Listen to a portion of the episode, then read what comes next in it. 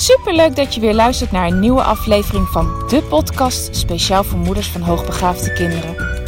Mijn naam is Eveline Noordzij en in deze podcast deel ik tips en inspiratie, zodat jij meer en meer in jezelf gaat geloven en durft te vertrouwen op je intuïtie. Want jij bent precies de moeder die jouw kind nodig heeft. Hoe ga je om met uitdagende situaties? Wat heeft jouw kind van jou nodig? En hoe zorg je voor verandering in je gezinssituatie door jouw eigen persoonlijke groei? Ik heb er veel zin in om dit allemaal met jou te delen. Dus laten we voor vandaag maar gaan beginnen. Ha, lieve luisteraar, leuk dat je er weer bij bent. Een nieuwe dag, een nieuwe podcast. En vandaag een vraag van een ouder die ik kreeg naar aanleiding van een onderzoek dat ik bij hun zoon had gedaan. Een basisonderzoek, omdat er echt alleen maar een intelligentieuitslag nodig was voor plaatsing binnen een HB-groep van hun school. Echt een fulltime eh, klas. Nou, die heb ik afgenomen. En op basis van het onderzoek is die ook aangenomen. En dan kan die ook instromen na de zomervakantie. Dus dat is top. Maar deze moeder zei tegen mij na afloop via de mail: Ja, maar hoogbegaafdheid is toch heel veel meer dan alleen die intelligentie. En toen dacht ik: Oké, uh, ja, als je de theorieën bekijkt, wel. Als je andere psychologen, pedagogen die zich uh, volledig met HB bezighouden, beluistert, ja. Maar ik kijk er toch anders tegenaan. En ik heb haar even beknopt antwoord gegeven, omdat dat via de mail toch best wel even lastig is om goed uit te leggen. Dus vandaar deze podcast. Ik ga kijken of het me nu beter lukt. Maar hoe ik daar naar kijk, is hoogbegaafdheid alleen dat IQ. Allereerst wil ik je dan de vraag stellen: op het moment dat de intelligentie zo hoog is, hè, dat die boven die 130 ligt, dat is de grens waarop we met elkaar spreken van hoogbegaafdheid. Nou, vind ik al dat die grens niet zo strak getrokken moet worden. Want wat betekent dat voor een kind met een IQ van 128? Het is maar twee punten, dat is echt niks. Hè? Er, er is al een grijs gebied. Maar laten we even die 130 aanhouden. Stel, die intelligentie is zo hoog, maar al die andere zaken waarvan men zegt van ja, dat hoort erbij, anders is er geen sprake van hoogbegaafdheid, zoals motivatie, zoals creativiteit, zoals gevoeligheden. Is een kind dan niet hoogbegaafd met zo'n enorme sky-high intelligentie? En wat betekent dat dan? Heeft dit kind dan heel veel andere dingen nodig, bijvoorbeeld in een schoolsituatie? Ja, mijn antwoord is nee. En ik ben echt van het simpele. Want ik denk dat het hoogbegaafdheid zo moeilijk gemaakt wordt en daardoor mee zo op een voetstuk geplaatst wordt. Ja, ik weet soms niet hoe ik dat goed onder woorden moet brengen, maar ik denk dat het gewoon onzin is. En dat wil niet zeggen dat je dit niet ziet, deze kenmerken. Hè? Vooral de gevoeligheden, maar ook de motivatie of de creativiteit. Ik zeg niet dat je dat niet bij hoogbegaafde kinderen ziet. Maar ik zeg ook niet dat je dat niet bij gemiddeld begaafde kinderen ziet. Nou, gaan we eerst even terug. Wat is nou een theorie? En hoe komt die nou tot stand? De theorieën over hoogbegaafdheid zijn gebaseerd op het zien van deze kinderen met een heel hoog IQ. En daarbij zagen ze dat kinderen die een heel hoog IQ hebben, ook met regelmaat een hele hoge motivatie hadden, creatief waren in het bedenken van oplossingen, het doorzien, creatief doorzien en handelen. En ze zagen ook dat heel veel van deze kinderen heel gevoelig waren. En op basis van deze kenmerken die ze zagen bij kinderen met zo'n hoge intelligentie, hebben ze gezegd dat betekent dus dat hoogbegaafdheid een combinatie is van hoge intelligentie, motivatie, creativiteit en gevoeligheden. Goedemorgen.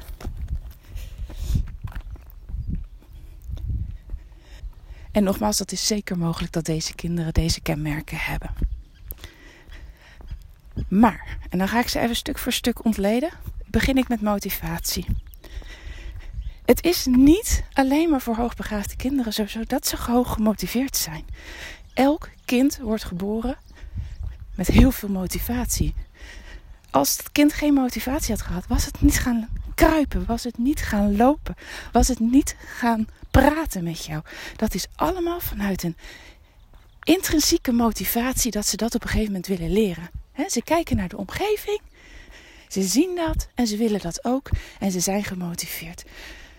Dus dat die motivatie alleen maar gekoppeld kan zijn aan een hoge intelligentie, dat vind ik niet. Elk kind is gemotiveerd. het ene kind is gemotiveerd voor geschiedenis, het andere voor aardrijkskunde, de andere is gevoelig voor talen en vindt dat heel erg leuk. De volgende is heel creatief, met uh, braaien, naaien, nou, noem het maar op. En op het moment dat ze iets gevonden hebben waar ze heel erg blij van worden, dan zul je zien dat ze een drive hebben. Maar die drive zie ik ook bij kinderen die een gemiddelde of bovengemiddelde intelligentie hebben. Dus in mijn ogen is een hoge motivatie hebben niet alleen maar gelinkt aan een hoge intelligentie. En dus ook niet specifiek voor hoogbegaafdheid. Datzelfde geldt eigenlijk voor creatief zijn in oplossingen. Ja, op het moment dat jij een hoge intelligentie hebt, dus dat jouw manier van redeneren op een hoger niveau ligt, je dingen sneller door kan doorzien, meer verbanden kan leggen, omdat het gewoon sneller in je hoofd gaat, omdat je meer verbindingen in je hoofd hebt gelegd. Ja, dan doorzie je ook sneller een, een creatieve oplossing op het moment dat je een probleem hebt of een uitdaging hebt of als er iets aan de hand is. Ze kunnen gewoon veel sneller schakelen. Maar dat wil ook niet zeggen dat gemiddeld, gemiddeld begaafde kinderen niet creatief kunnen zijn. Alleen de oplossingen liggen op, gewoon op een iets lager niveau. Of een iets minder hoog tempo dat ze tot die oplossingen komen. Nou, en dan heb je nog de gevoeligheden. Ik heb ooit ergens gelezen en ik dacht echt: nee, dit kan niet dat een psycholoog of een orthopedagoog aangaf bij een kind dat het niet hoogbegaafd is omdat ze niet of nauwelijks gevoeligheden lieten zien. En ik echt mag hopen dat het een grapje is. Maar als, dat, als ik die redenatie zou doortrekken, dan zou ik voor een deel van de kinderen die bij mij komen zeggen van, nou ja, Je, jouw kind is niet hoogbegaafd, want het laat geen gevoeligheden zien. Ja, en dat, dat kan niet. Voor mij is echt die hoogbegaafdheid echt die hoge intelligentie.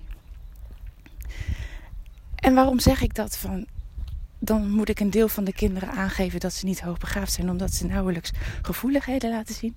Nou, die gevoeligheden die wij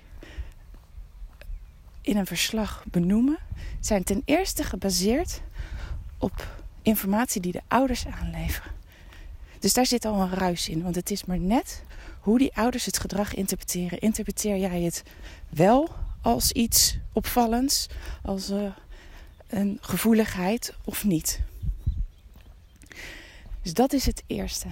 Aan de andere kant zijn heel veel van die gevoeligheden stressuitingen. En wat bedoel ik daarmee? Nou, en dan kan ik even aan de hand, misschien het beste aan de hand van een eigen voorbeeld doen. Wat ik daarmee bedoel is,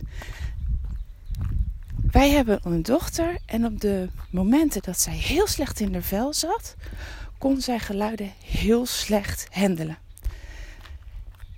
Zo kon zij bijvoorbeeld niet de wc doortrekken. En ik zie het heel af en toe, en ze is bijna 13, zie ik nog komen op de momenten dat ze heel veel stress ervaart.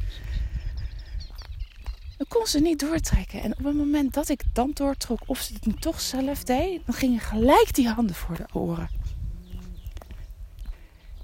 En vanaf het moment dat de stress daalde, en met name vanaf het moment dat ze kinderen thuisonderwijs kregen en ze die stress niet meer ervaarden, zag ik dat gewoon wegzakken. En dat zie ik ook heel vaak met druk gedrag. laatst heb ik daar ook een podcast over opgenomen. Uh, druk gedrag kan een uiting zijn van overprikkeling, maar ook van onderprikkeling. En op het moment dat dat, die stressfactoren weggenomen worden, zal je zien dat het drukke gedrag weer naar beneden zakt. Dus ik heb kinderen die ik moet onderzoeken, die echt deze signalen niet laten zien, omdat ze prima in hun vel zitten En met name zijn dat de kinderen die het eigenlijk goed doen, maar van de ouders toch hebben van ja, zullen we ze niet toch even laten onderzoeken voor de zekerheid om te zorgen dat ze nog net even iets meer krijgen. Maar in principe zit mijn kind heel goed in zijn vel. Daar zie ik ook heel vaak bij dat die gevoeligheden niet zo heel erg naar voren komen. En ik denk alleen maar prima. Maar als die gevoeligheden niet naar voren komen, maar het kind wel een heel hoog intelligentie heeft, zal je toch iets moeten. En de aanpak voor deze kinderen is niet anders dan de aanpak voor kinderen die wel heel veel gevoeligheden laten zien. En ik had het net over motivatie, dat vergeet ik nou net te vertellen. Maar motivatie. Ik zie heel veel kinderen bij wie die motivatie niet meer heel hoog is. Die dat wel hadden toen ze heel jong waren, maar nu niet meer laten zien. Maar stress stopt ook de motivatie. En dat geldt trouwens ook voor het creatieve denken. Op het moment dat je heel erg veel stress hebt, dan kan je niet meer zo makkelijk creatief denken. En ik kijk dan altijd op dat soort momenten naar mezelf. Van hoe ben ik als ik stress heb? En ik weet niet hoe dat bij jou is, maar als ik stress heb, ja, dan is mijn creatieve denkvermogen, mijn oplossingsvermogen, het, het denken in, in, in kansen en mogelijkheden, ja, dat is veel minder. Er komt ook veel minder uit mij. Dus stress heeft een hele grote invloed op wat wij zien van de kinderen. En daarom kan je niet zomaar zeggen: een kind wat geen motivatie laat zien, of geen creativiteit laat zien, of in beperkte mate of nauwelijks gevoeligheden laat zien, is niet hoogbegaafd. En dan wordt er gezegd: ja, dat is hoog intelligent. En dan denk ik: oh jongens, we maken het alleen maar heel erg ingewikkeld. Het boeit eigenlijk niet of, het nou, of je het nou hoog intelligent noemt of hoogbegaafd noemt. Het gaat erom wat dit kind uiteindelijk nodig heeft. En in mijn ogen, en dat is mijn waarheid, mijn optiek, mijn visie, heeft ieder kind die meer begaafd of hoogbegaafd is, of nou ja, cognitief op meer of hoogbegaafd niveau functioneert. Zo omschrijf ik het eigenlijk bijna altijd om deze discussie te voorkomen. Heeft iets anders van jou als ouder, maar ook van de leerkracht, van, van school nodig om zich optimaal te kunnen ontplooien. Kortom, het moraal van dit verhaal is: maak je niet zo druk om hoe we het benoemen, of we het nou hoogbegaafd, hoog intelligent noemen of niet. Ga veel meer kijken wat jouw kind nodig heeft. En ga daarop intunen. Het is namelijk helemaal niet zo belangrijk hoe je het noemt. Het enige moment waarop het belangrijk is hoe je het noemt, tenminste dat je er een naam aan wil geven, is op het moment dat jij psycho-educatie aan jouw kind gaat geven. En dan wil je het gewoon een naam geven, zodat het voor het kind duidelijk te bevatten valt. Maar dan nog is de inhoud, de uitleg van wat je eraan koppelt, vele malen belangrijker dan hoe je het noemt. Nou, dit is in ieder geval zoals ik er naar kijk. En dat is ook wat bij mij past. Graag zo simpel mogelijk, waar simpel mogelijk haalbaar is.